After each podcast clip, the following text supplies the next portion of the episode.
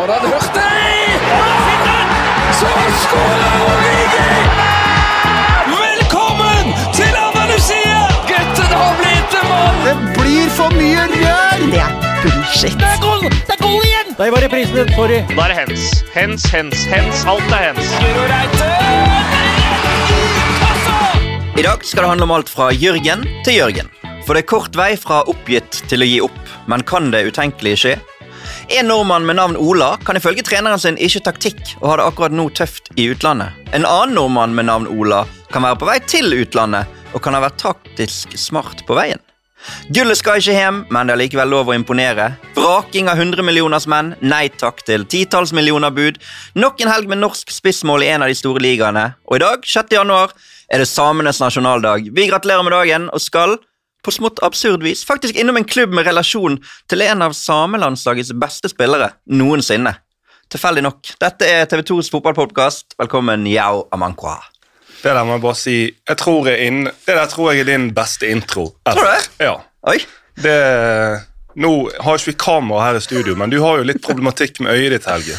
Så at du klarer etter å ha vært på legevakt, sykehus og det som er å komme og levere en sånn intro For en start. Men det er faktisk det som er Med en sånn sjørøverlapp på øyet, som jeg må innrømme at uh, gir det hele Det løfter det hele ekstra for meg. Altså, at det er uh, veldig fint, og du liksom leverer poetiske introer med en sånn Kaptein Sabeltann-lapp over det ene øyet. Men det er det som er grunnen til at jeg har en eh, mer gjennomarbeidet intro i dag. Det er at jeg hadde tid til å lage den mens jeg satt på legevakten i går og ventet på å få konstatert min regnbuehinnebetennelse på øyet. Så det går bra. Det ser litt rart ut akkurat nå. Lappen er egentlig mest fordi det ser litt sånn halvveis dobbelt. Med litt dumt med notatene mine. Men bortsett fra det, fin helg. Og du, da? Jeg? Nei, jeg har hatt en veldig fin helg. Jeg, eh, det skal vi komme litt tilbake til, men eh, jeg var på, i Lillestrømhallen på fredag. Så to kamper der. Det var Altså Jeg må bare si nå når disse treningskampene går, kanskje spesielt de som er inne i hall der det er litt ekstra lunt og godt, så vil jeg bare anbefale, har du muligheten altså Mange er jo på jobb, eh, de spilles på dagtid, men har du muligheten, dra og se. Utrolig kjekt. Eh, treffer mye kjentfolk og god kaffe, gode vafler. Nei, det syns jeg er veldig, veldig gøy. Og så var jeg i går på Norsk supporterallianse. Hadde invitert, eh, invitert meg til å komme og fortelle litt om TV2 sin satsing på norsk fotball. Eh, så da fikk jeg gleden av å gjeste de.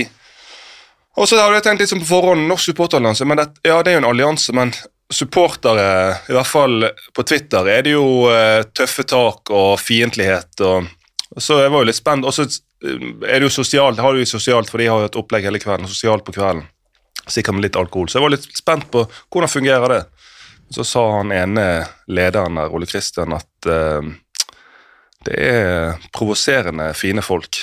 Så ikke provoserende for min del, det var fine folk, og det var veldig kjekt også å få legge litt fram hvordan vi har tenkt å dekke hele norsk fotball. Mm. Skal, vi får jo en del spørsmål om de tingene vi skal komme litt tilbake til etterpå når vi har en spørsmålsrunde. Men eh, siden sist vi satt der, så har det også vært en deadline day som har blitt ferdig. Vi skal snakke litt om det. Mina, du, eh, du var, debuterte på TikTok. Eller du har gjerne vært der før, men eh, Ja, så vidt. Ja, nei, jeg testa ut eh, konseptet kronikk på TikTok. Ja. Man må jo prøve å være til stede der ungdommen er, er det ikke det vi skal? Og nå høres jeg fryktelig gammel ut. Men nei, altså jeg eh, lagde en video litt om det der enorme pengegapet mellom Premier League og resten av fotball-Europa, som vi har sett så vanvittig tydelig, ikke bare det overgangsvinduet her, men også egentlig i sommer, hvis du ser på liksom hvordan eh, klubber på nedre halvdel i England eh, bare utklasser eh, store, store klubber ute i Europa på overgangsmarkedet, liksom. Eh, Det, det toppa seg for meg egentlig da Milan ble utkonkurrert av Bournemouth eh, i kampen om en italiensk landslagsspiller. Nå endte Sanjolo opp med å bli værende i Roma uansett, altså. Men det er noe veldig veldig absurd med å lese nyheter om at liksom, regjerende italiensk mester eh, Milan må trekke seg fra forhandlingene om en spiller fordi Bournemouth har lagt såpass mye penger på bordet at eh, Milan ikke klarer å henge med. Og i norsk eh, sammenheng så var det noen som endte opp med å dra, og noen som endte opp med å bli. Og det har jo vært snakket litt om den siste uken. Ja, det Vanligvis når det er norsk, eh, nei, internasjonalt overgangsvindu, så har jo man blikket rettet utover, ut av Norge.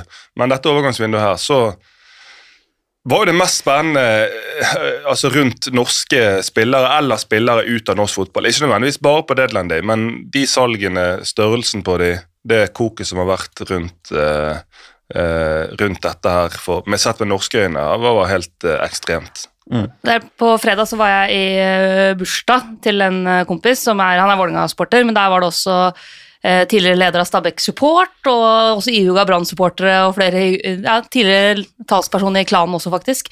Men eh, han fra Stabæk Support han var helt sånn herre hvordan, Mina, du må prøve å forklare meg. Hvordan har vi klart å selge en fyr som kun har spilt Obos for 35 millioner kroner? Hvordan er det mulig? Så, jeg, nei, du, det er et godt spørsmål, men uh, det klart, det er jo veldig mange europeiske klubber som uh, nå ser etter uh, god verdi i Eliteserien. Man har kanskje litt mer trua på at det er mulig å finne rått talent da, som kan videreforedles i en større liga i Europa her i Norge. Ja, for det er jo det eh, som er litt lett å glemme når vi sitter i Norge, men internasjonale klubber de snakker jo om at det norske markedet er billig.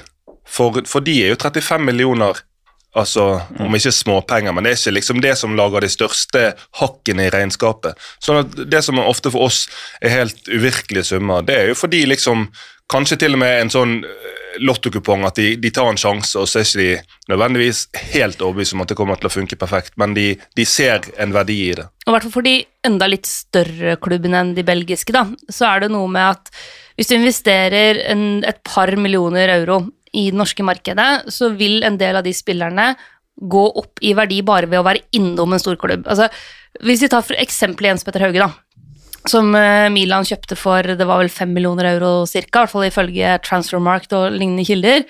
Så, så slo jo han aldri ordentlig til i Milan. Eh, Han hadde for noen ålreite kamper, men han blei liksom aldri helt store. Så sender de han på lån, og så ender de opp med å selge han, men de, jo, de får mer enn dobla det de betalt for han til Glimt.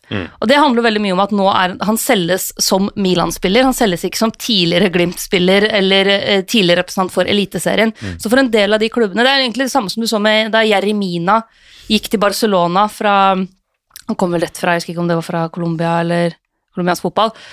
Men uh, hvor han er bare skal spille et halvår, og så selges han videre til Everton for omtrent dobbelt av prisen.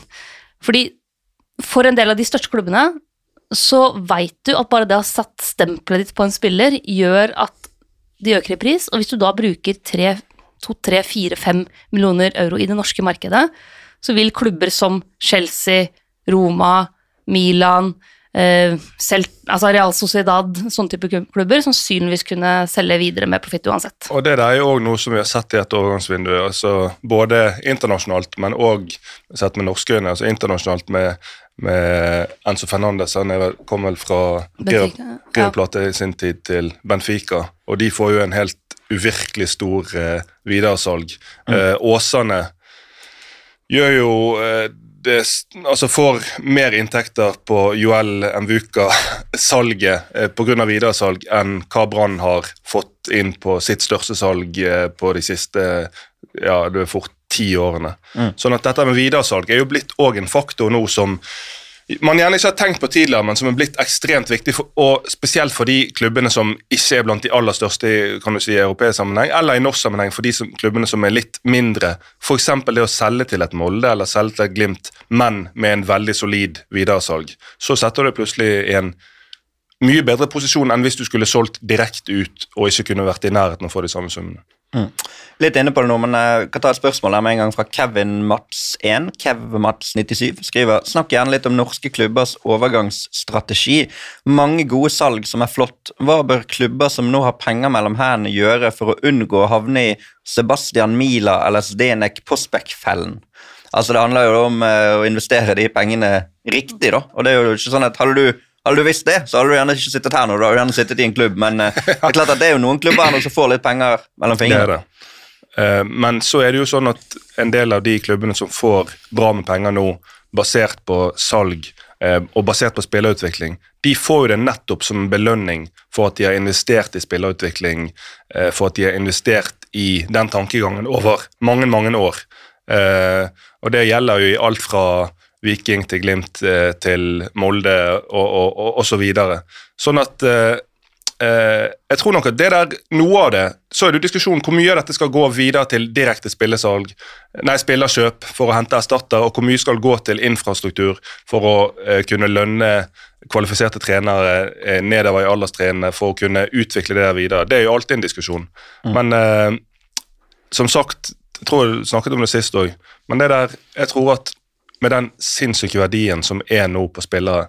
Det der å investere i de aller dyktigste spillerutviklerne på markedet, eh, de aller dyktigste speiderne, det tror jeg man, eh, det er vanskelig å bomme på. Ja, tenker at eh, å bruke midler på å utvikle klubben, og utvikle på en måte grunnmuren i klubben, da, som er akademi, som er spillerutvikling, som er å ha gode speidernettverk, eh, og, og kanskje kunne ha flere lag på yngre nivåer, sånn at man får flere inn i folden osv. Og, Uh, og så vil selvfølgelig en del av pengene også gå til å kjøpe spillere, fordi vi vet jo at disse klubbene også er jo avhengig av å opprettholde de sportslige prestasjonene. De er jo ikke først og fremst bedrifter som skal liksom gå mest mulig med overskudd på spillersalg hvert eneste år. ikke sant? Altså Spillersalg og den delen av økonomien er jo et virkemiddel, et verktøy i det å bygge et bedre fotballag som presterer bedre sportslig. ikke sant? Men ja, det jeg håper man klarer å unngå, er at man får en veldig en lønnskarusell i eh, norsk fotball. Fordi nå er det jo først og fremst tre, det er jo Molde, Rosenborg og Glimt som virkelig skiller seg ut. da. Og Det kan være at, vi, at de tre klubbene nå får et såpass stort forsprang at det blir vanskelig, sjøl om det, Stabæk gjør godt salg, Haugesund eh, Vålerenga ender til slutt opp med å selge Osama Sarawi. så det er ikke bare de klubbene, Men det er på en måte Glimt, Molde og Rosenborg som virkelig har fått mye penger mellom hendene nå. Så man risikerer at de tre stikker av, og man risikerer også at uh, de tre begynner å En litt sånn uh, lønnskarusell hvor man konkurrerer om, og, om de samme spillerne og derfor driver lønningene opp. Det tror jeg ikke er bærekraftig på sikt, fordi norsk fotball kan jo ikke basere seg på å selge for de summene vi har sett i det overgangsvinduet her hvert eneste år. Det er et litt sånn spesielt overgangsvindu også, hvor man har truffet blink på veldig mye på én gang. Så jeg håper man klarer å unngå en sånn eh, lønnsgalopp. Og så er jo spørsmålet kommer disse klubbene til å først og fremst investere i utlandet. og hente, altså En ting er å hente hjem Berisha, men å hente en type spillere fra Sverige, Danmark eh, Nigeria har vært et, et, sted hvor man har funnet mye gull tidligere. Eller kommer man i større grad til å se etter eh, gull og råtalent nedover i norske divisjoner, klubber? Men eh, nå i, i det overordnede strategidokument er det til NFF og NTF, eller jeg er ikke akkurat sikker på Men der er det jo et, et, står det jo som et overordnet mål for norsk fotball at det skal selges spillere for 1 milliard hvert år. Sånn at det som har skjedd nå, er jo i tråd er jo i tråd med det som er målsettingen. Men så er det forskjell på klubber. for Noen klubber driver såpass godt eller nøkternt eller eh, pga. størrelse på stadion, eh, pga. inntekter de har fra andre ting enn spillersalg, at det blir litt forskjeller i hvor disse pengene havner. Sånn som f.eks. Stabæk. De selger Gift Orban nå for 35 millioner. Men de har eh, Hva skal du si? Altså, De er nødt til å selge spillere for minimum 30 millioner hvert år for at økonomien skal gå rundt. Sånn at nå og det øh, altså Ikke for å helle kaldt is i årene på Stabæk-supporterne, men nå er det nesten som de er i null. Nå kan de tenke ok, nå trenger vi i hvert fall ikke å selge flere spillere. Men det er ikke sånn at alle de 35 millionene bare går rett inn til nye, nye spillerkjøp. Eh, nesten heller tvert imot. Jeg tror for, for en uh, klubb som Rosenborg, med den infrastrukturen, så stor stadion, så jeg regner med at med en så stor stadion med de fasilitetene, så må du ha en del folk på lønningslisten. Jeg tror heller ikke at alle pengene fra Kasper Tengstedt-salget eh, kan gå rett til nye spillere, for å si det sånn. Mens i Glimt, som er en mye mindre klubb på alle måter egentlig, så er det nok større deler av summene som kan brukes på lønninger eller som kan brukes på overganger. Så det er litt forskjeller. Eh, jeg tipper nok at Torgeir Bjarmann vil jeg syns det er eh, tøft å skulle håndtere slakt for å ikke gå bananas på overgangsmarkedet når de pengene allerede er brukt. Kristian uh, Holte, Holte Christian på Twitter spør oss, og det er jo for så vidt vært inne på det, men han nevner da Glimt spesifikt. Skriver Glimt med kjøpefest, men er det bra for laget? Fansen har jo bestilt seriegull alt. Hva tenker du om det? Jeg tenker at Når de har brukt så mye penger som de har brukt, så er det nett, nettopp det som ligger i dette spørsmålet, at du tar jo vekk eh, Hva skal du si eh, Oppsidepotensial, eller Altså, Nå forventer jo alle Nasjonalt, ja. Det er vel internasjonalt. Ja. Den oppsiden ja, eventuelt ligger Ja, riktig. Så noe annet enn seriegull for Glimt vil jo tolkes eh, som en katastrofe. Men, og det er jo eh, Sånn blir det jo når de har både hentet spillere for de summene de har, men òg de lønningene de har. Eh, det, du skal være ganske god for å, for å, rettferdiggjøre i norsk fotball å ha en årslønn på opp mot 10 millioner kroner. Så der Glimt tidligere har vært en Askeladd, så er de jo nå eller jeg får vel si tidligere vært en David, så er de nå en Goliat. Og det er jo en mental omstilling både for spillere og for klubben. Og så velger du å holde igjen på noen spillere. Nå har de gjort gode salg igjen, men f.eks. Vetlesen velger de da å, å holde igjen, sjøl om det kommer eh, solide tilbud på, på det. Og det der også er jo en balansegang, ikke sant. Men nå er jo Glimt plutselig i en økonomisk posisjon hvor de har muligheten til å si nei til en type bud som fryktelig mange norske klubber ikke hadde hatt noe valg, Mm. annet valg enn å selge. Ja, og så tror jeg at Altså, jeg, jeg vil umulig tro at de har budsjettert inn det å selge Joel Mvuka for opp mot 70 millioner, for så å få bruke han hele vårsesongen. mm. lånt tilbake igjen. Sånn at det gjør jo at de har enda mer spillerom sånn sett. Men altså, i forhold til den Hugo-situasjonen, så eh, er det når en såpass fin, sterk klubb som eh, Feyenoord kommer på banen og, og vi snakker om videresalg. Eh, Med den utviklingen og den formen som Hugo har vært i, så er det veldig enkelt å se for seg at han eh, kunne tatt en Aursnes og blitt solgt videre fra Feyenoord i løpet av rimelig tid, og at det kunne betydd en veldig veldig betydelig videresalg for Glimt òg. Så jeg syns det der eh, Det, fall, det blir i hvert fall eh, rart sett i lys av at Glimt tidligere klaget på at spiller går ut kontraktstiden for så å gå gratis. Da er det noe som ikke henger helt sammen. Ja, og Det som er litt spesielt med denne saken, er jo at uh, en Molde-spiller har hengt seg på i eh, på en måte å uttale seg. Altså, det er jo for så vidt, Han blir jo spurt om det av oss. Veldig god sak fra uh, oss for å kunne promotere oss sjøl litt. Gå inn på tv2.no og les det intervjuet Arild S gjorde med Ola Brynildsen. For han har jo spilt med Hugo Vettesen sjøl i Stabæk, og er sjøl på vei sannsynligvis til å bli utenlandsproff. Om ikke det skjer noe, han kan jo gå til Tyrkia, det er vel det det snakkes mest om, der overgangsvinduet fremdeles er åpent.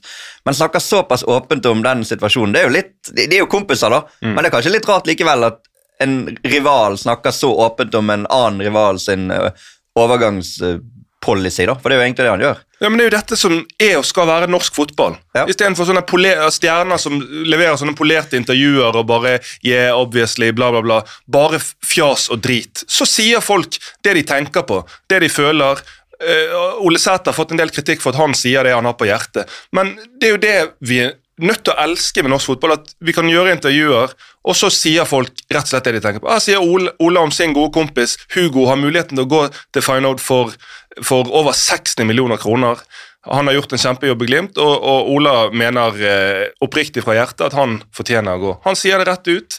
Jeg syns det er Det må være innafor, altså. fantastisk. Ja da. Og taktisk smart sjøl òg, for det er vanskelig for Molde å si nei til de budene fra Tyrkia nå.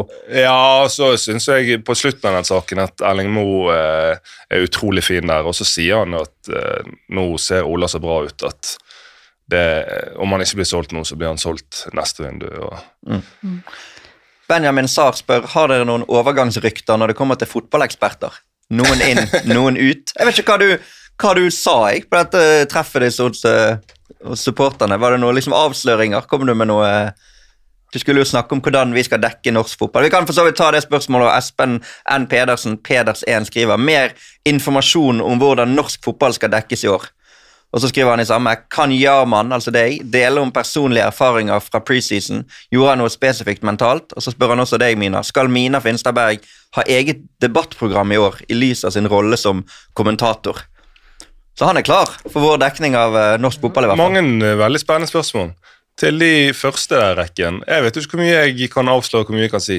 Jeg, og det er opp til meg, så skal jeg bare si alt. Nei, jeg tror vi må vente. Men det jeg kan si, er at uh, um, et av de store innsalgspoengene til TV 2 når uh, de fikk disse rettighetene, var jo helhet. At norsk fotball skal være uh, front and center gjennom hele uken, gjennom hele året. Sånn at det kommer til å være innhold, altså ett konsept eh, typisk for hver eneste ukedag. Eh, og så må vi kunne si at f.eks. en gammel, eh, høyt elsket eh, produksjon som Fotballekstra er tilbake igjen på søndagene. Det må være lov å si. Det må være lov å si. Eh, I tillegg så kommer det da forskjellige konsepter for hver ukedag, sånn at det skal rett og slett være umulig å kjede seg i norsk fotballsammenheng. Det skal alltid være noe tilgjengelig, det skal alltid være noe spennende å, å sette øynene i, og lytte på, se på, nyte. Skal du ha eget debattprogram, Mina? Jeg får jo veldig lyst på det nå, da, nå som forslaget liksom er lagt på, på bordet. Så jeg skal sende det videre oppover i systemet. Men jeg kan jo si det at altså, jeg har jo en uh, veldig sterk plan og ambisjon om å uh, jobbe mye med norsk fotball og sette fokus på Altså ta de debattene som, uh, som angår norsk fotball, da. Både når det gjelder Eliteserien, Toppserien, Obos, bredden, altså hvordan eh, bør Fotball-Norge se ut i tida framover, hva er de største utfordringene? Det mener jeg jo at det er viktig, og at det er veldig veldig mange nordmenn som har fryktelig sterke meninger om norsk fotball. Det er bra, og det skal vi dyrke, og jeg har jo lyst til å være med og liksom ta de, de debattene og ta det på alvor, da. Så det, det har jeg veldig lyst til, og det er planen min, i hvert fall. Så får se om det blir mest i kommentarform, eller om det blir i podkast-rants eller eh, debattflater og Ja, jeg har jo til og med ja, utforska TikTok-formatet for eh, utfor, kronikk. for, for de som ikke vet det, så faktisk hvis du søker opp eh, Mina Finstad nedestrek priv, så er det masse sånn dansevideoer til Taylor. Det seg ut. så du er langt mer erfaren på TikTok enn det du later som her nå. I forhold til det spørsmålet hvordan forbereder forberede mentalt i en preseason av en spiller, så er det spesielt her i Norge når det er så lang preseason, så er det nesten sånn at der når du var yngre, så bare gikk du full pupp. 5. januar eh, blåste i gang, eh, tok ut det du hadde.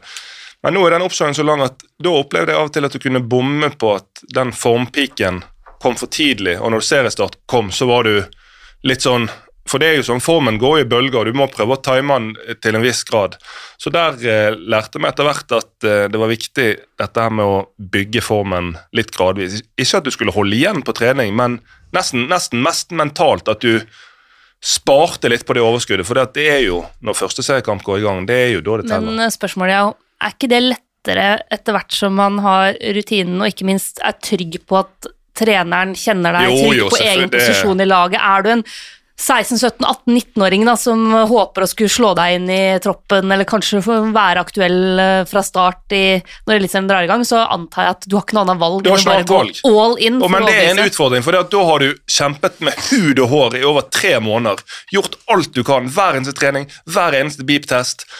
Absolutt alt har du øh, jobbet for å makse. Ok, Så klarer du å krige deg inn på laget til første seriekamp, og så er du jævla sliten.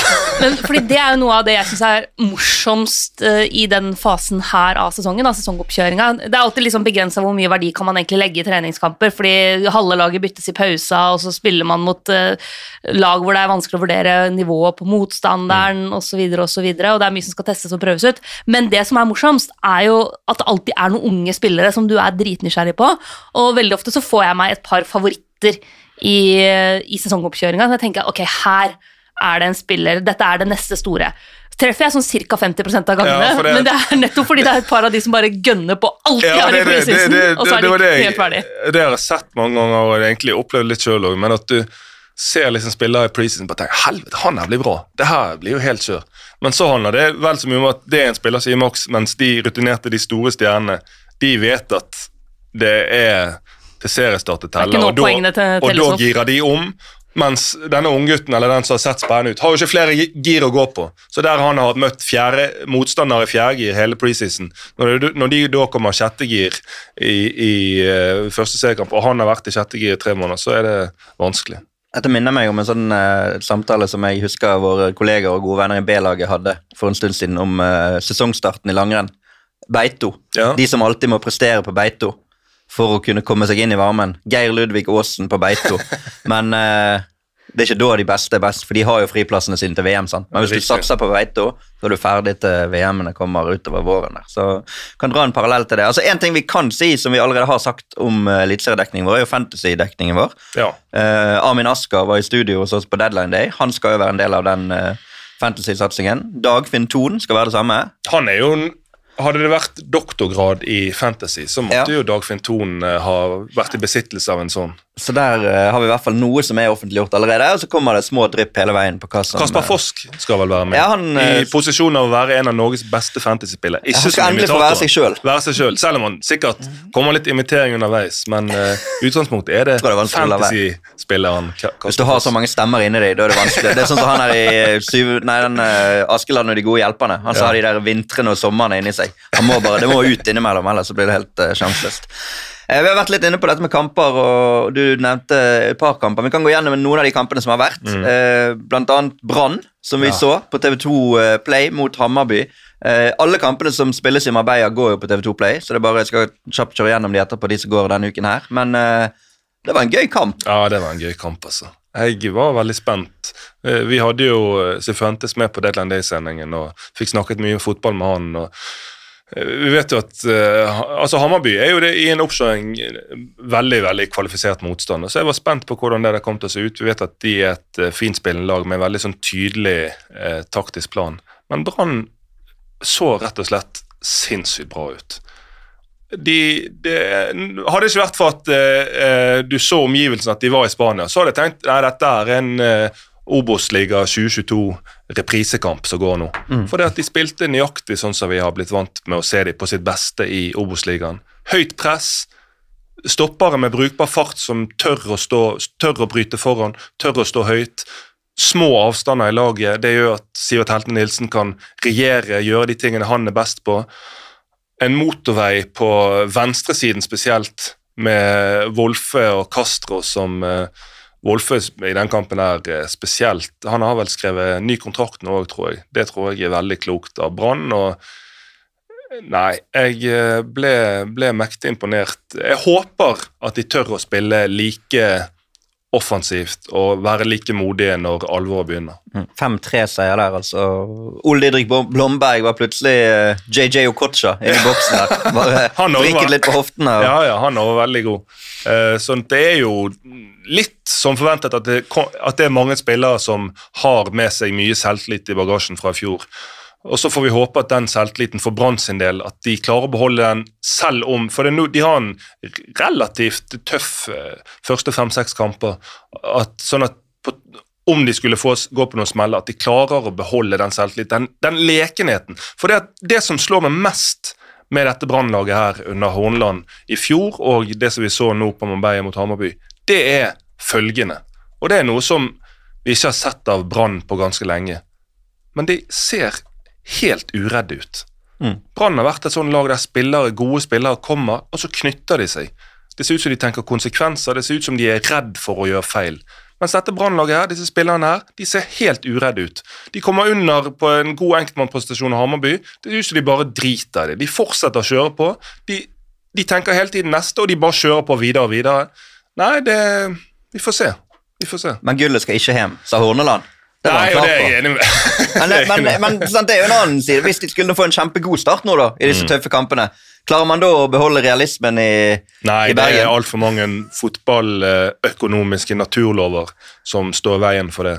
Så gapet opp i forhold til eh, økonomi og ja, hva skal du si eh, Spillermateriell er fortsatt eh, altfor stort til at det er en reell debatt opp til de Molde, Glimt, eventuelt Rosenborg, som har vært eh, de beste. Men dette er bare én av kampene som har vært siden sist. Eh, har du vært på noen kamper? Jeg har vært på kamper. På Ja. fredag så var jeg i Lillestrømhallen. Da var det først eh, HamKam Sarpsborg, og så var det Lillestrøm Stabæk.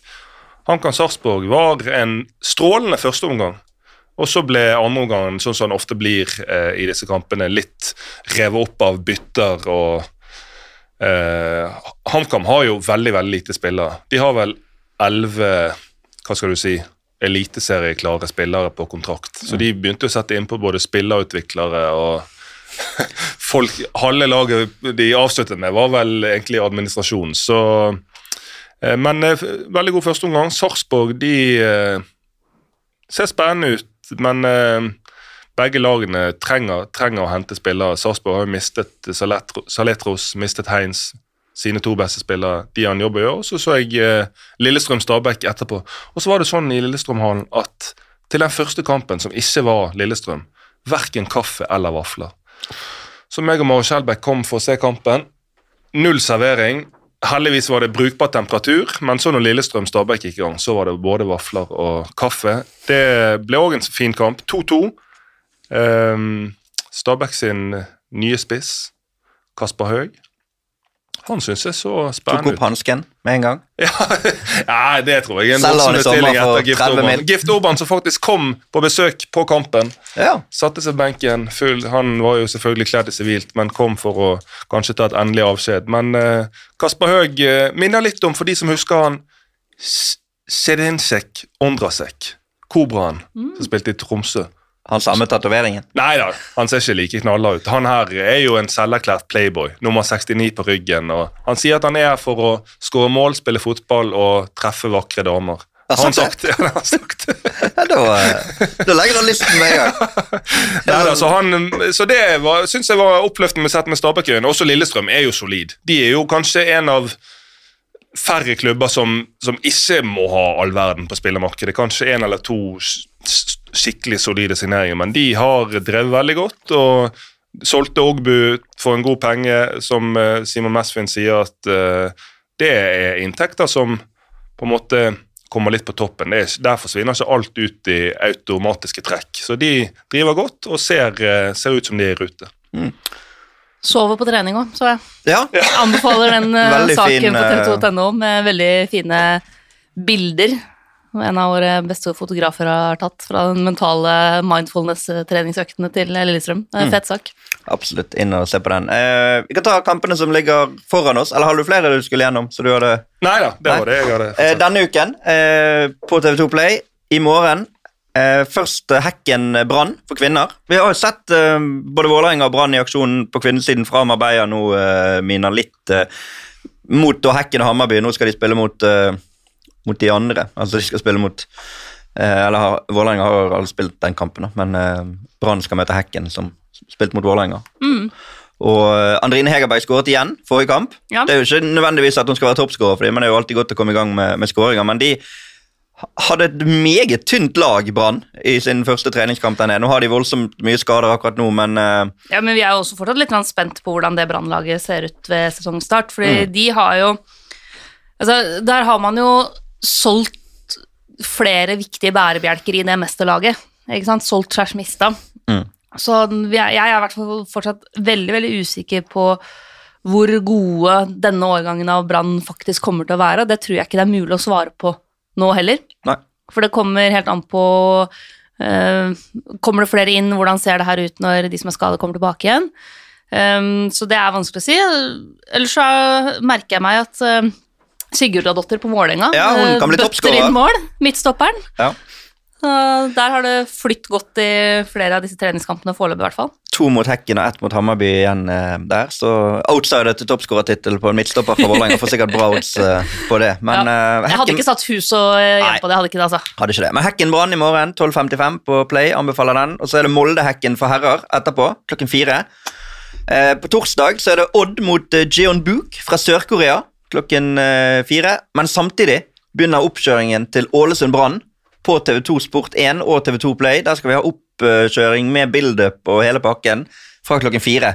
Så der, Det er på en måte den første sånn ordentlige i hermetegn TV-sendingen TV2 har på norsk fotball Det er det. i år. det. De kaller det for eh, monstring. Ja. Så her skal de rulle ut, uh, rulle ut det som er for å vise, vise frem litt av hvordan det kommer til å se ut eh, når eh, serien sparkes i gang. Så det, det gleder jeg meg til. Og så er det jo generelt, sånn som jeg sa eh, Nå er jo selvfølgelig vanskelig å komme seg ned på Marbella og se kampene der, men det spilles mange treningskamper her hjemme òg. Sånn at har du muligheten, dra og se. Om ikke, se alle treningskampene gå på play. Det er liksom veldig sånn fin pekepinn. Og for min del kjenner jeg at det er akkurat som en nydelig appetizer når du er på en dyr restaurant. Ja. Det vekker appetitten. Du er så mye på dyrerestaurant.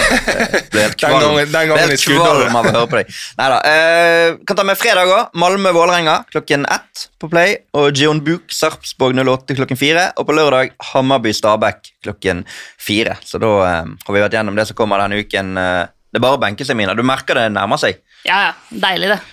For jeg kjenner at eh, det er litt sommerfugler i magen og Jeg, jeg, jeg savner Eliteserien skikkelig nå. Jeg Ja. gleder meg veldig til å starte opp igjen. Det er godt. Eh, det var det nest siste vi hadde i denne del én av podkasten. Det siste vi skal ha, det er å ta opp eh, telefonen igjen. Da ja, har vi fått med nok en eh, supporter på telefonen. Dette er noe av det kjekkeste, syns jeg. Ja, helt enig. Og så er jeg spent på Nå fikk vi jo, nå fikk jo vi, ble vi fristet med pølse i vaffel fra han Moss-supporteren sin. så jeg er spent på hva vi skal, hvordan han skal friste oss til stadion i dag. Det får vi eh, ta som en invitasjon. For vi har med oss eh, Rikard Mathisen. Velkommen. Jo, takk. Takk, takk. Yao etterlyser uh, delikatesser fra der du er fra, men da tenker jeg vi må først begynne med å, å sette deg litt i perspektiv. For nå har vi hatt noen lag som eh, har vært oppe i divisjonssystemet og er litt på vei opp igjen, og så har vi hatt eh, noen som ikke har vært helt på øverste nivå, og så har vi deg som ringer som supporter av Skånland. Og hvor er vi da? Nei, da er vi helt nede i tredjedivisjon, faktisk. Ja. Da er vi i eh, Tjeldsund kommune, et lite stykke utenfor Harstad.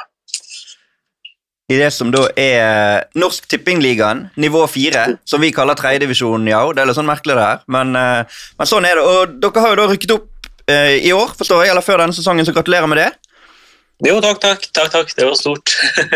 Det var en veldig jevn fjerdedivisjon, så jeg. Det var fire poeng fra første til femteplass der i fjor, så det må jo ha vært spennende. ja det ble jo eh, avgjort eh, i det 90. minuttet i siste serierunde, så det var rimelig spennende på slutten der. Ja, det vil jeg tro. Og så er jo det, tenk, Dere var vel også oppe i det 2021-året, som var en sånn uh, halvveissesong, men da ble det ikke så mange poeng. Nei, det gikk ikke helt som forventa. Det var eh, litt, prega av at det ble bare halvspilt sesong også, selvfølgelig. Så, eh, men eh, det var verdifull læring uansett. Det var det. Og så er det jo sånn at dere da møter Jeg så litt på avdelingen her. Det er Asker og Follo og litt forskjellig, så det blir jo litt reising. da. Er du sånn som reiser til, til Østlandet på kamp, eller? Det kan bli det i år, faktisk. Nå har man jo ikke vært bortskjemt med det, akkurat for å si det sånn, men eh, det kan fort være. Man eh, har jo lyst til å følge det her laget og eh, skal ikke se bort ifra det. Er, hva er oppskriften på en god supportertur? Oppskriften på en god supportertur det er først og fremst må du ha et godt reisefølge med deg. Du må eh, ha eh, ja, en god guttetur, rett og slett, kanskje. Vil jeg si.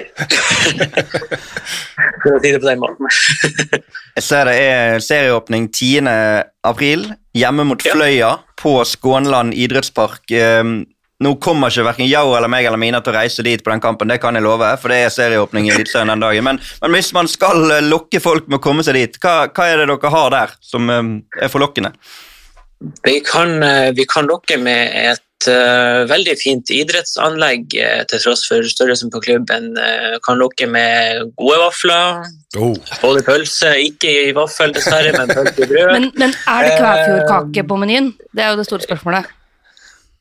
det, det er vel Kan sikkert ordnes, men ikke så, ikke som det har vært tidligere. Dere vet at Den som ofte på Østlandet kalles for verdens beste, den kaka heter jo egentlig Kvæfjordkake. Ja. Og i og med at Tjeldsund var likevel Harstad, så antar jeg at det ikke er så langt unna Kvæfjord heller. Det er ikke langt unna, nei. Det er det ikke. Jeg lurer på Hvem er det som i fotballsammenheng er områdets eh, store sønn? Tom Høgli. Tom Høgli. Tom Høgli han Det er jo en, det er en eh, fin, fin ambassadør. Altså, Du trenger ikke mer enn Tom Høgli, egentlig. Nei. Jeg er solgt, jeg. Det, det, du, du trenger ikke mer enn det. Jeg føler at han beskriver alt. Han er jo født og oppvokst i klubben. og eh, Men er, eh, er alle som er der oppe fra like sympatiske og reflekterte som, som det han er? Ja, jeg vil si det. Han, han, han representerer i hvert fall vårt folk, folkeslag ganske bra med, med væremåten han er på og de verdiene han står for. og ja, Personen i seg sjøl. Ja. Ja, Det er veldig bra, Rikard. Jeg, eh, jeg sa i introen her til podkasten at det er jo samenes nasjonaldag i dag. Og da må vi jo Ja. vi må gjerne gratulere dere med dagen nå, da. For det, at det, er jo, det er jo egentlig helt tilfeldig at du er med akkurat i dag, for dette avtalte vi for lenge siden. Ja, vi gjorde jo det. Vi gjorde det. Så det er jo, må jeg takke for det. Det er jo en, det er jo en stor dag som feires i området her. Og, ja. Gratulerer. Takk, takk, takk. takk. Det er veldig bra. Um, da tenker jeg at Vi skal få ønske deg lykke til videre med sesongen. og Så sender du stafettpinnen videre. Er det noen klubber du utfordrer til å ta opp stafettpinnen for å prøve å selge inn seg sjøl? Ja, gjerne litt eh, lokallag. De lagene i området. Kanskje både ja, de vi møter, f.eks. Mjølner, Hil. Som Tromsø må vi ha, det er jo det største i området, så klart. Veldig bra. Takk skal du ha, Rikard, og ha en fortsatt fin dag. Ja, i like så. Det. Da skal vi over på å snakke litt om eh, den internasjonale fotballen. Vi begynner jo for så vidt med en nordmann der også, Mina. For eh, nok en gang norsk scoring i eh, La Liga. Ikke Sørloth denne gang. Men en som trenger det enda, enda mye mer enn Sørloth, nemlig Jørgen Strand Larsen, som Vi har jo hatt et halvår nå eh, ja, hvor vi har sittet og snakka om at Strand Larsen han spiller bra, fine initiativer, viser muskler, eh, er en populær mann fordi han har så mye tæl i spillet sitt, men det hjelper jo ikke når du er spiss og ikke scorer mål. Ikke? Så vi har jo venta på at de målene endelig skulle komme.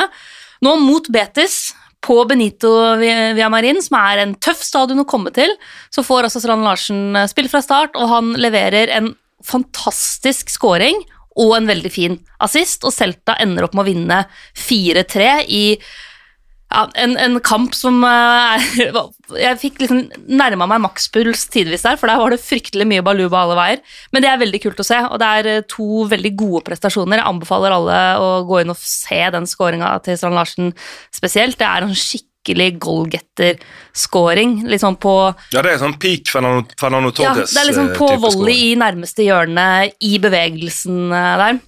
Så det er veldig kult. Og hvis han endelig, hvis endelig skal løsne for Strand Larsen Han har vært litt sånn ketsjup-spiller tidligere òg. At når han mm. først har begynt å score mål, så har det kommet på løpende bånd, så håper det. Eh, ellers så ble det ikke-scoring på, på Sørloth, da. Real Sociedad gikk på en uh, smell. Det samme gjorde Real Madrid, som tapte for Mallorca, mm. av alle lag. Så nå er Barcelona i ferd med å få seg en ordentlig luke i toppen der. Så nå, Når det er Real Madrid nå, så snakkes det bare om Venitius, og det er kun negativitet. Altså Ikke overfor han at han er elendig, men det er så mye rundt han.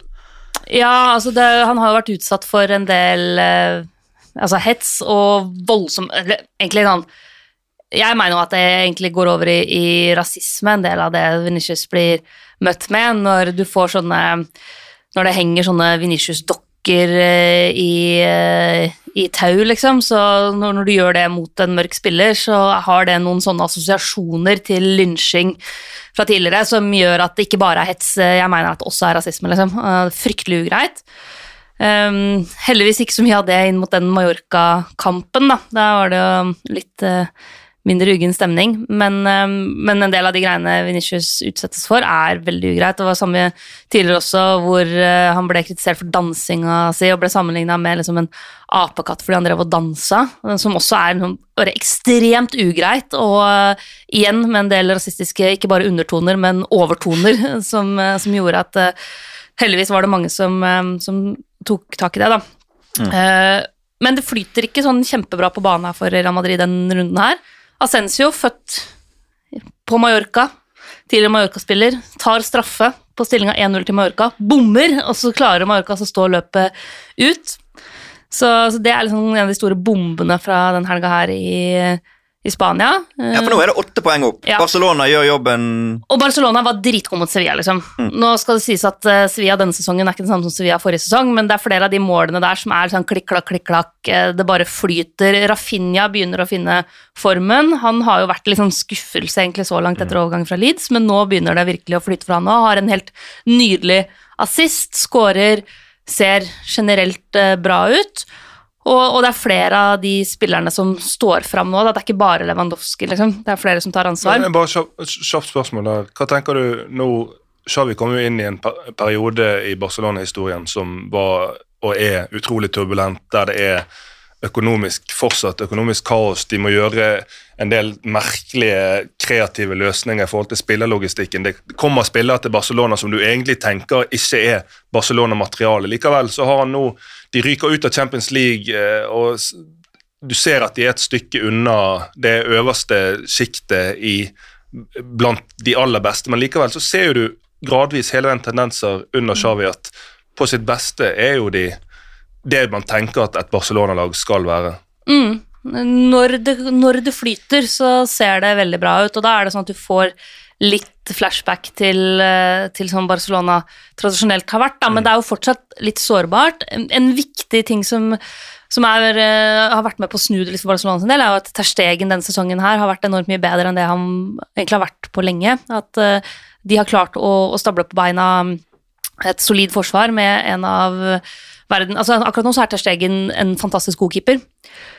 Til til at en spiller som eksempel Andreas Christensen, som jeg var veldig skeptisk til, han har vist seg å være et uh, godt kjøp, eller han kom jo for så vidt som uh, gratisspiller, da, men han har virkelig vist at han har en del kvaliteter som, uh, som funker bra i et Barcelona-lag. Araujo er tilbake etter skade, det er viktig. Det må jo være et spørsmål om tid før han er inne på et sånn World Eleven. Araujo, ja. Ja, Ja, på plass. Altså, han, Han, altså, det er en mer komplett, Ja, en mer du, han har alt du trenger for å lykkes på øverste, øverste, øverste toppnivå som midtstopper i 2023. Det Og så en ting som jeg mener folk glemmer ofte, så er det sånn du, du ser en sånn spektakulær stopper som han, og så bare åh, tenk å ha to sånne. Men Du vil, ikke ha, du vil ikke ha to av dem. Nei, du vil ikke ha to. Stopper, spesielt hvis du spiller med en firer, det er det å ha et stopperpar som utfyller hverandre. Og da tenker jeg Christensen sindig, ikke like aggressiv, men kanskje litt mer balansert. Er det veldig lett å se for seg de to som en veldig, veldig god match? Mm, jeg tror de kan utfordre hverandre bra. Så sitter jeg fortsatt med den følelsen av at det er noe litt sårbart med det Barcelona-laget her. At det skal ikke så mye til å på en måte dytte dem ut av rytmen. og Derfor så blir det ekstremt spennende å se det Barca-laget her mot Ten Hags litt sånn nye Manchester United. For de møtes jo i den der Europaliga-varianten der. Det blir kjempespennende, fordi det er en Jeg tror det er en veldig god test for begge lag. Men men er det litt sånn eh, fallgruve allerede på søndag? Hvis du er lei av den norske fotballen, det er jo ikke det, men hvis du har lyst til å se en toppkamp, eller en stor kamp i La Liga på kvelden, så er det Villarreal Barcelona søndag kveld klokken ni, TV2 Sport 1. Villarreal som da kommer fra tap mot Elche. Ja, men- Elche. men det Hvor mange kamp seier har de vunnet denne sesongen? De De hadde jo- null, de- før denne. Ja, De er vel oppe på ni poeng totalt hele sesongen nå. Men dette her var den runden hvor ingen vil ha fjerdeplassen i La Liga. Ja. For Hvis du ser på alle de lagene som er rundt fjerdeplassen, eh, så var det sånn at Atletico Madrid spilte uavgjort mot Getafe, som ligger på 19.-plass. Villarreal tapte mot Elche, som ligger på 20.-plass. Og Betis tapte mot Celta, som lå på 16.-plass før denne runden her. I tillegg til at eh, for så vidt eh, Real Sociedad, som ligger på tredjeplass, også snubla da mot Valladolid.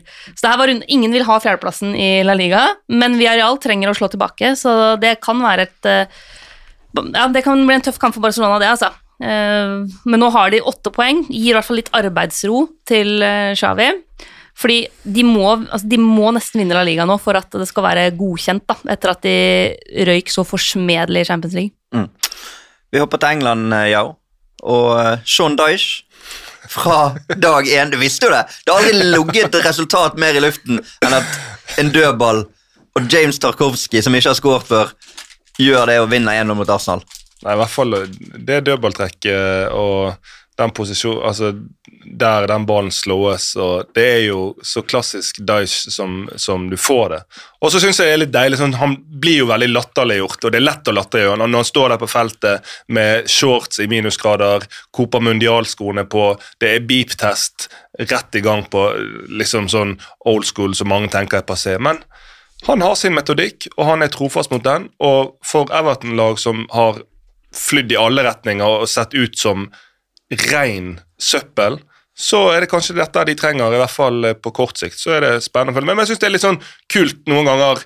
Altså, eh, veldig mange trenere skal være moderne, det skal være eh, Hva skal du si Det er jo nesten tabu å, å si og uh, praktisere en del av de tingene som Dyche gjør, men han gir F i det og kjører på med sitt old school-stil. Gjorde et intervju med han i fjor, ikke så lenge før han fikk sparken i Burnley. Og han fremsto jo utrolig bra. Altså, han, Ja. han er jo en fyr som vet hva han driver med. Og så Det han gjorde med Burnley, var jo helt enormt. Helt enormt. Altså, det var, det var det er ikke liksom sånn method to the madness, og uh, han er ekstremt dyktig på å få maksimalt, om du tenker poengmessig, om du tenker uttelling, ut av spillerne han har til rådighet. Mm. Så selv om det ikke alltid er så vakkert, så er det, syns jeg det ikke fortjener å bli latterliggjort. Nei. Det som talte mot at han skulle få en drømmestart, var jo at det var Arsenal de møtte. Mm. Et Arsenal som har hadde vel ikke tapt i Premier League siden september. Nei, uh, hvis du Eh. ser litt på de kampene Arsenal har slitt mest, uh, så er det mot når de møter kjøttlag. Møter skikkelig fysisk motstand og får trøkt seg. Det blir jo eh, symbolisert der når Ødegaard blir knust. Ja, Det er jo litt spesielt at han ender opp med Jeg tenkte faktisk på det, det var en corner før pause òg, der han var oppe på Tarkovskij. Mm. Og så tenkte jeg, hva er det som skjer? Hvorfor, hvorfor ender det opp med at Ødegaard er på Tarkovskij? Men det handler vel om at de de presumptivt beste hodespillerne har vel sonene Ja. sine og skal ta de, da. Ja. Men det ser, det ser jo litt rart ut. Ja, det ender opp med å se rart ut, men det er mange lag som praktiserer det at det er ikke alltid de beste hodespillerne som markerer ut motstanderens beste. Nei.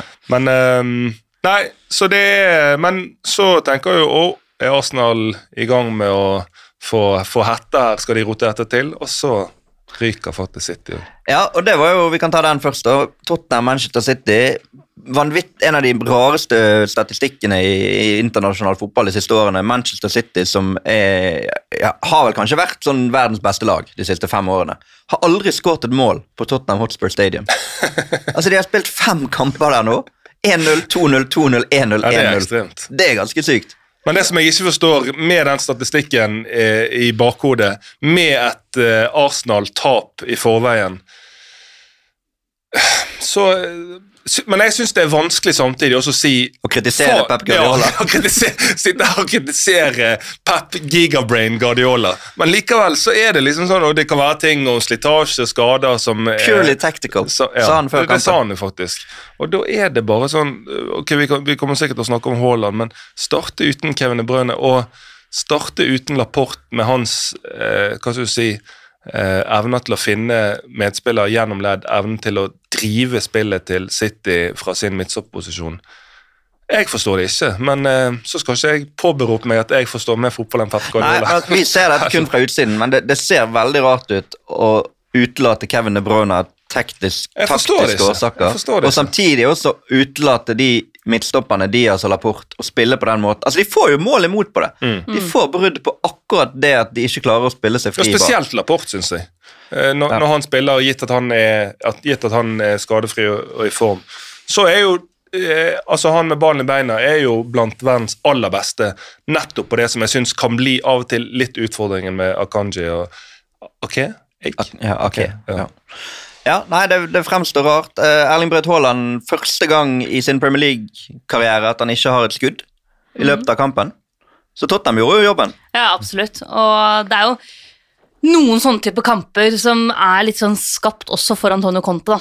Du kan, du kan mene mye om Conte på godt og vondt, men han har tidvis en sånn egen evne i sånne type kamper til å altså Både en ting er kampplan, men også til å motivere, til å true slags skremme spillere til å, å prestere. Uh, som gjør at jeg er ikke egentlig så overraska over at Tottenham Nei, selv den dagen der. han ikke var der, Ja. med Christian Stelini på siden. Men han er jo like gal. eh, Han hadde jo ringt Ja eh, på Kane på telefonen og ordna og styra, apropos det å skremme spillere Noen ganger så er det jo sånn at du Når du signerer spillere eh, til en posisjon, og så er det jo sånn at de spillerne i samme posisjon nå hever seg. Mm. Emerson Royal spiller vel sitt, om ikke livs beste kamp, så i hvert fall den desidert beste kampen i Tottenham-drakt. Altså var det liksom Alt var på hans side. For det, var jo, det virket jo sånn at City de skulle angripe den veien. Grealish skulle opp mot han. Og så ble han bare eksponert for han hele veien. Og så bare de siste fem minuttene De slo jo bare baller den veien. Han vant og vant. Han stoler jo ikke helt på han. Men, Nei, nei, men han, nei, eh, enkeltkamp, han men han hevet seg voldsomt. var god, altså. Ja, han var veldig god. Han var det. Og så må jo vi eh, nevne Harry Kane. For en mann. Skåringsrekord i Tottenham. Altså, 267 mål for Tottenham. jeg håper av hele mitt sånn nostalgiske, fotballromantiske hjerte at han bare blir i Tottenham ut karriera. Og så skjønner jeg at uh, han kommer til å være lenka vekk hvert eneste overgangsvindu. Men jeg syns det er så vakkert at vi fortsatt har noen spillere igjen som har mesteparten av sin karriere i en og samme klubb, som kan klare å utfordre og slå sånne gamle uslåelige klubbrekorder. Fordi det er færre og færre av dem. Det er færre og færre spillere som blir mange nok sesonger i en og samme klubb til å kunne få den legendestatusen eh, som f.eks. Harry Kane. Altså, om 50 år, om 100 år, så kommer man fortsatt til å snakke om Harry Kane. Mm. Ja, og så om er det jo noe sånn Det der med å bygge de der skikkelig tette båndene fra en spiller til supporter, det tar tid. Du kan, altså du, når du får inn nye spillere som er gode, så du, ja, supporterne eh, elsker de, og det er positive følelser, men det der med å knytte de tette båndene, det som gjør at du eh, supporter nesten tenker på denne spilleren som familie, som en talisman, som holdt på å si som en gud. Da må du være der, mener jeg, minimum fem sesonger for at, eh, for at det, det skal Ja. Det var vel første scoring hans fra Tottenham, kom ikke den i, i 2013? Eh, jo, det må vel ha vært Så er det ti eh, år, da. Nei, 2014. Våren 2014 må det ha vært. Ja, Jeg mener altså, jeg har sett noen sånne Twitter-meldinger fra Harry Kane fra 2013. Ja, nei, Nå tenkte jeg Premier League, kanskje. Ja. For han uh, Ja, for det var vel en cup- cupscoring. Mm. Men da har du tiår, da. Mm. Med Tottenham, eh, hvor, hvor han på en måte har vært tilknytta. Ja, det er, og en ekstremt viktig seier for Tottenham også, Ja. selvfølgelig. De henger seg virkelig på igjen i den kampen om uh, topp fire-plasseringer der. Og det er jo nå de skal gjøre sesongen sin. Det var det de gjorde i fjor. Fikk inn Kulisevski. Kulisevskij, fikk inn Romero og klarte å heve seg. Så. Men det er andre lag som er selvfølgelig med der også. Manchester United vinner hjemme mot uh, Crystal Palace. Skal du ha en annen sånn stat slash uh, fun fact som er nesten like utrolig som at City ikke har scora på Tottenham Stadium? Mm. I helga så fikk altså Casemiro for første gang i en topp fem-liga i Europa direkte rødt kort. Ja. Og for de av oss som har brukt enormt mye tid de siste ti åra på å se Casemiro spille fotball i La Liga så er, og Champions League, så er det helt utrolig at dette er første gangen den mannen får et direkte rødt kort. Og, og at det ikke kommer som altså, eh, fe- takling som sistemann, eller en stygg takling bakfra, eller Det kommer faktisk med et uh, strupetak. Ja, altså, Som ser veldig stygt ut i slow motion, men som Ja, som Jørn Henland skriver til oss, Henlandi. Casemiro får et helt korrekt rødt kort, skriver han da, for kvelertak på Will Hughes. Men hvorfor får ikke Aju rødt kort for å ta kvelertak på Fred i samme situasjon? Jeg tror du kunne delt ut flere kort i den uh, tumultgreia der, altså. Ja, du kunne, og du Hvis burde. du hadde altså, sett, hvis du hadde sett like nøye på alle mulige Ja. Uh, interaksjoner mellom spillere i uh, den uh, ja, slåsskampen, kan vi nesten kalle det der, så kunne du garantert delt ut i hvert fall ett rødt kort til, kanskje flere.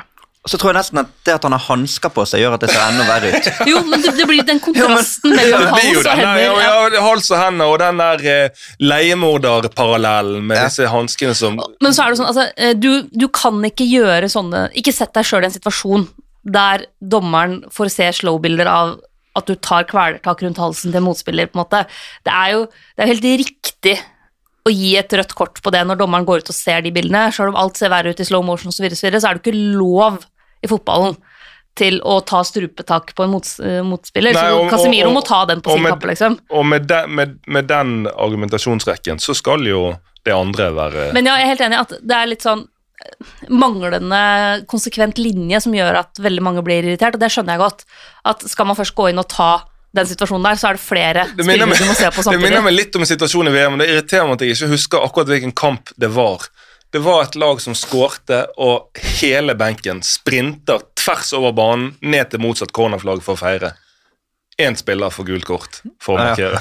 Ja, men det er vel sånn Du skal velge en. Da skal du bare Ja. ta en i sånne situasjoner. Men uh, Manchester United holder ut, vinner 2-1 hjemme mot Crystal Palace. Er nå bare tre poeng bak Manchester City, og da åtte poeng bak Arsenal, men med én kamp mer eh, spilt enn de.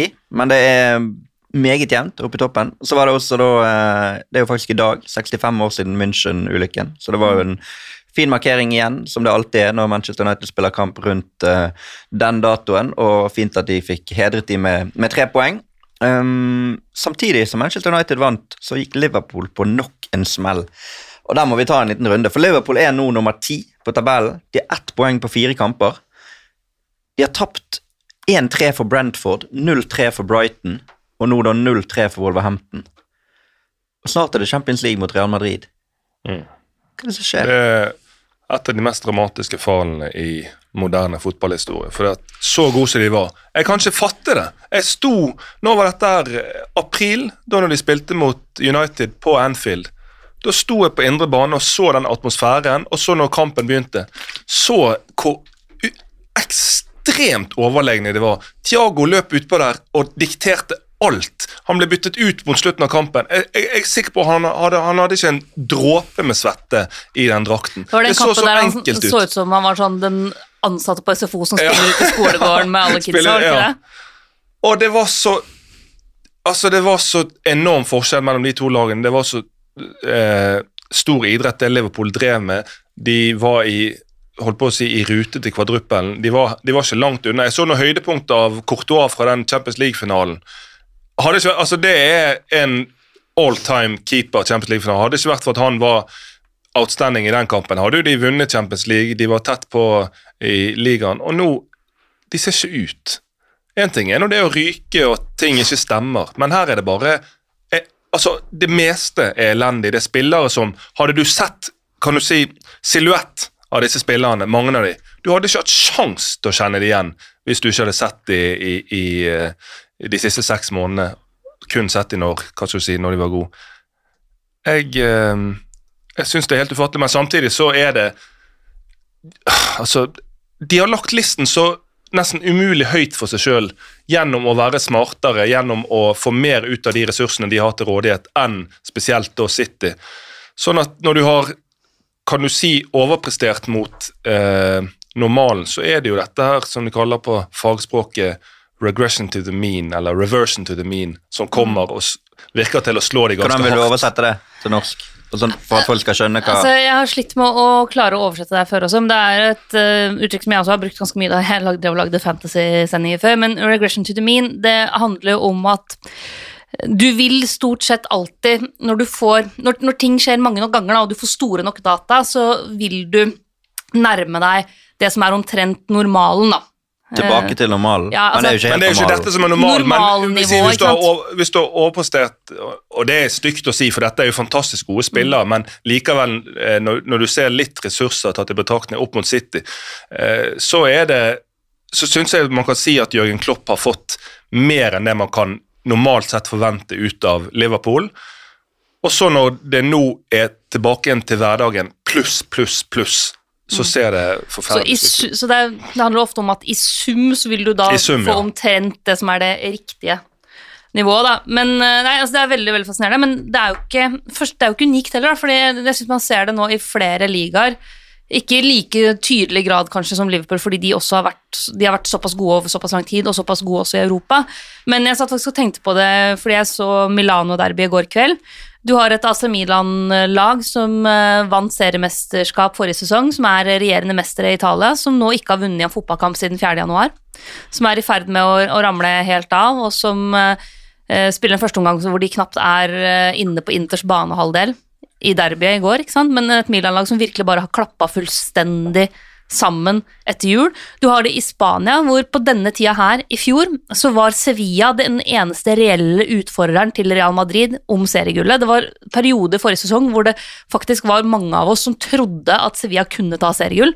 Nå ligger de i nedrykksstriden i La Liga. Altså, det her på ett år så kan ting endre seg så, Ja, så- vanvittig voldsomt. Og så er det jo forskjellen da, til f.eks. Liverpool. er sånn at De har dominert i over flere år. eh, og de har egentlig en del av kontinuitetsbærerne som har vært med på hele suksessen. Men kanskje er det en del av utfordringa også.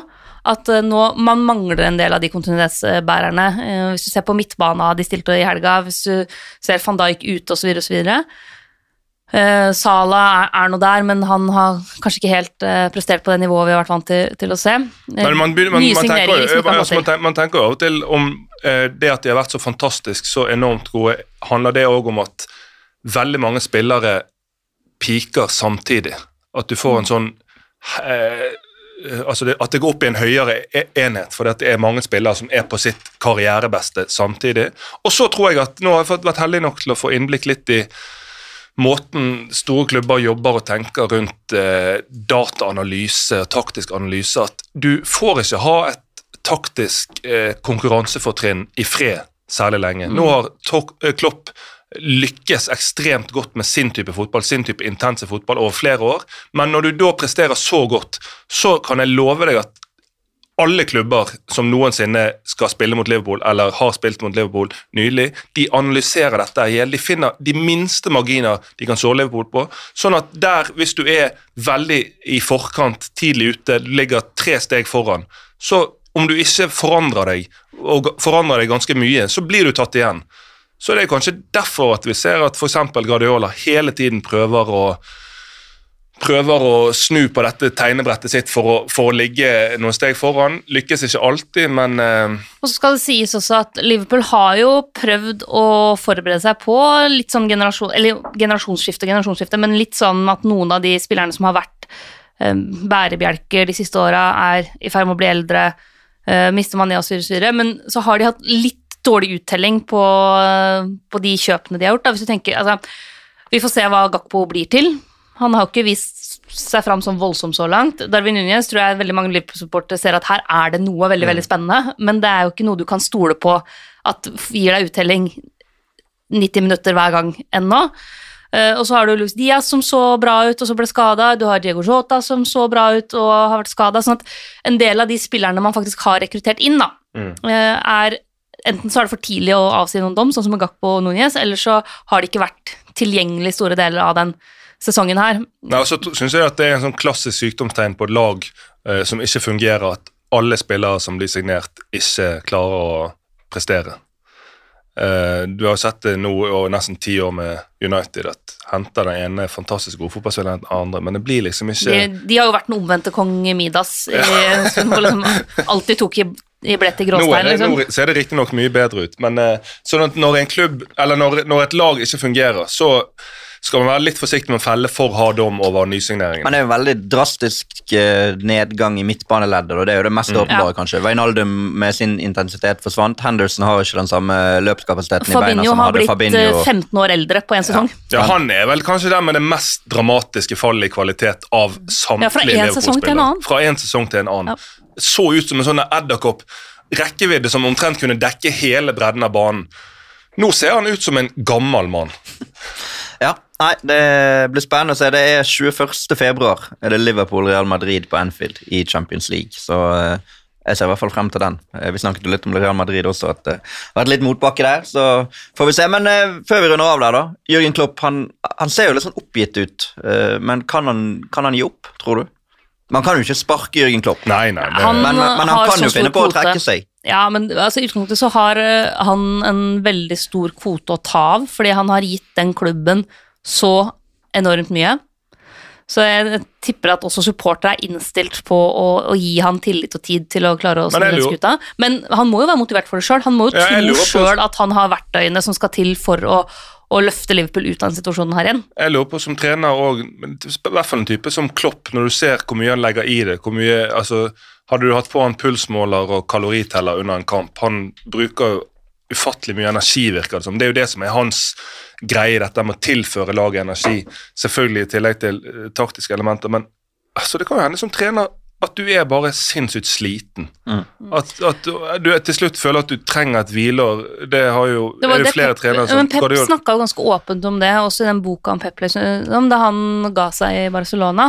Så gikk jo egentlig ting ganske bra sånn rent sportslig sett, men han trengte en pause, han trengte å roe huet sitt, men han var også ganske tydelig på det at altså, verken jeg eller spillerne og relasjonen mellom meg og spillerne tåler ikke mer nå. Fordi ja, det har vært bra sportslig, men det er så på bristepunktet fordi vi, altså jeg har gitt absolutt alt jeg har, de har gitt meg alt de har, og vi har på en måte dratt den strikken så langt det er mulig å dra den. Og Det var noe av grunnen til at han, han dro fra, fra Barcelona, og da trengte rett og slett et pust i bakken. Og det har du sett med andre trenere også, som har sagt at liksom, nå har jeg, jeg jeg har ikke flere verktøy igjen, og jeg har ikke mer å gå på. Nå er det beste både for min del og for klubbens del og for spillernes del at uh, vi tar en pause. Men, som, som, Men du jeg tror sier, ikke det Klopp er, er der nå, altså. Jeg tror ikke Klopp er og der som du sier, dette er jo, det er jo eventuelt noe som må komme fra treneren. Så, så, men for Liverpool sin del, det å skulle finne på å drøfte hans stilling eller sparke han, jeg ville vært helt hårreisende. Um, neste uke er det Champions League igjen. Uh, vi skal snakke mer om det på mandag i neste episode. Uh, men bare én ting der i forbindelse med Chelsea, som vi også var innom på Deadland Day, og dette med å registrere spillere i Champions League-troppen. For de kunne jo bare registrere tre nye, uh, og de har jo hentet mer enn tre nye spillere.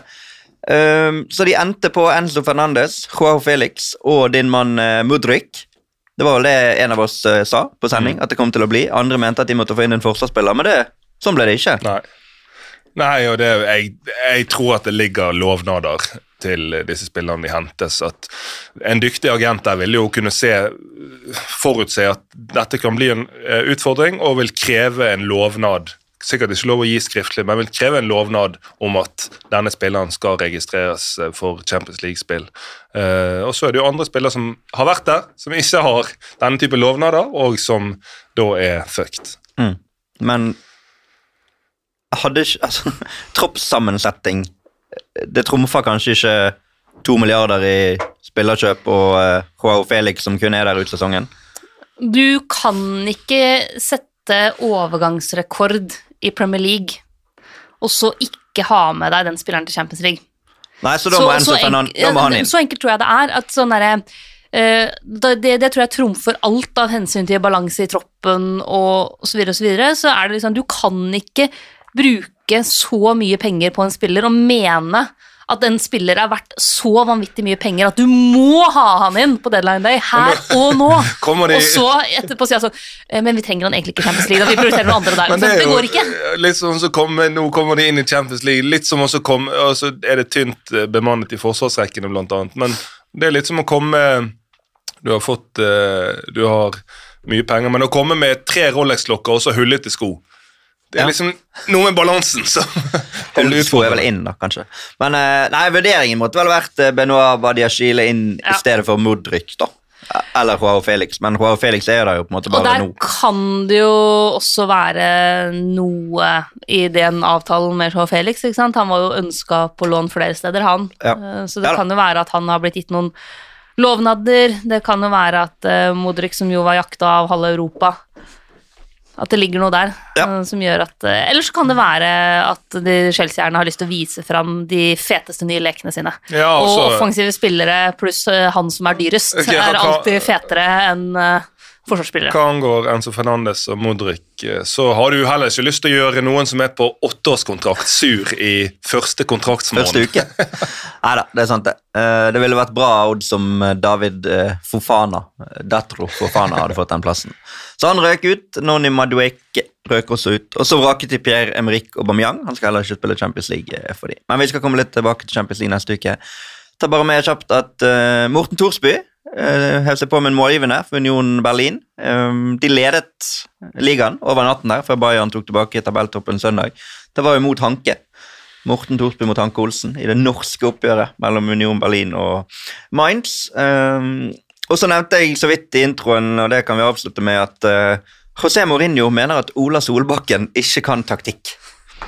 Ikke vet forskjellen på kan... 4-3-3 og 4-3-2-1, var det ikke det? Og ikke vet hva høyt press er. Ja, det var vel 3-5-2 eller noe. Ja. 3-4-1-2. Ja, men ja da. Nei, det, det, er jo litt sånn spesielt å gå ut og si det. Men Mourinho har jo sagt mye før som har vært spesielt, så Ja, men Glimt, eh, det lagene som Solbakken har spilt i, har hatt mange gode presspillere, men jeg har ikke syntes at Ola Solbakken har vært eh, den beste presspilleren hos Glimt. sånn at det Jeg tror ikke altså Mourinho jeg tror ikke han bare skyter helt fra hoften bare for å Han sier Nei, det som han ser det. Det, det sier ikke jeg heller, men han Nei. hadde ikke trengt å men, si det. Han kunne jo men, Nei, men dette, er jo, dette, er jo, dette er jo Mourinho. Han, ja. dette er jo Mourinho. Han, han, vil og kan vel også kun jobbe med spillere som tåler, tåler denne type offentlig kritikk, som blir trigget av det.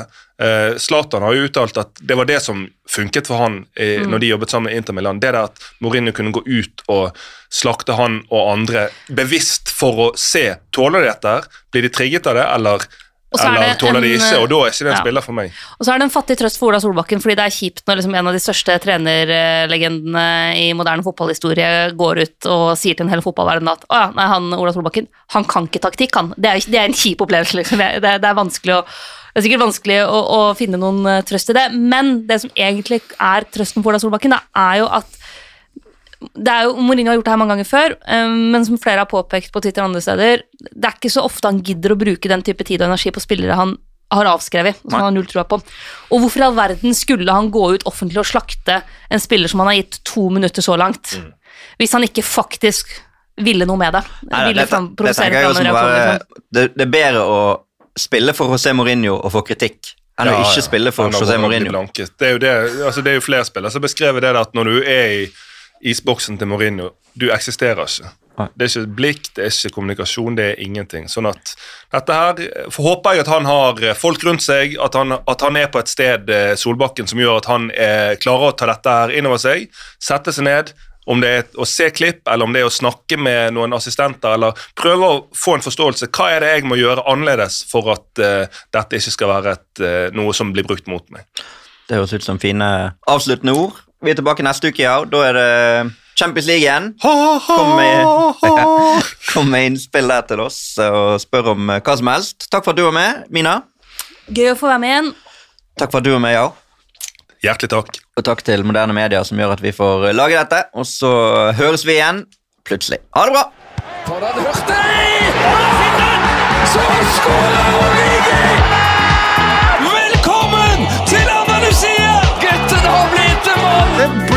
Mye rør! Det er bullshit. Det er goal! Det er goal igjen! Der var reprisen din. Sorry. Da er det hens. Hens, hens, hens. Alt er hens.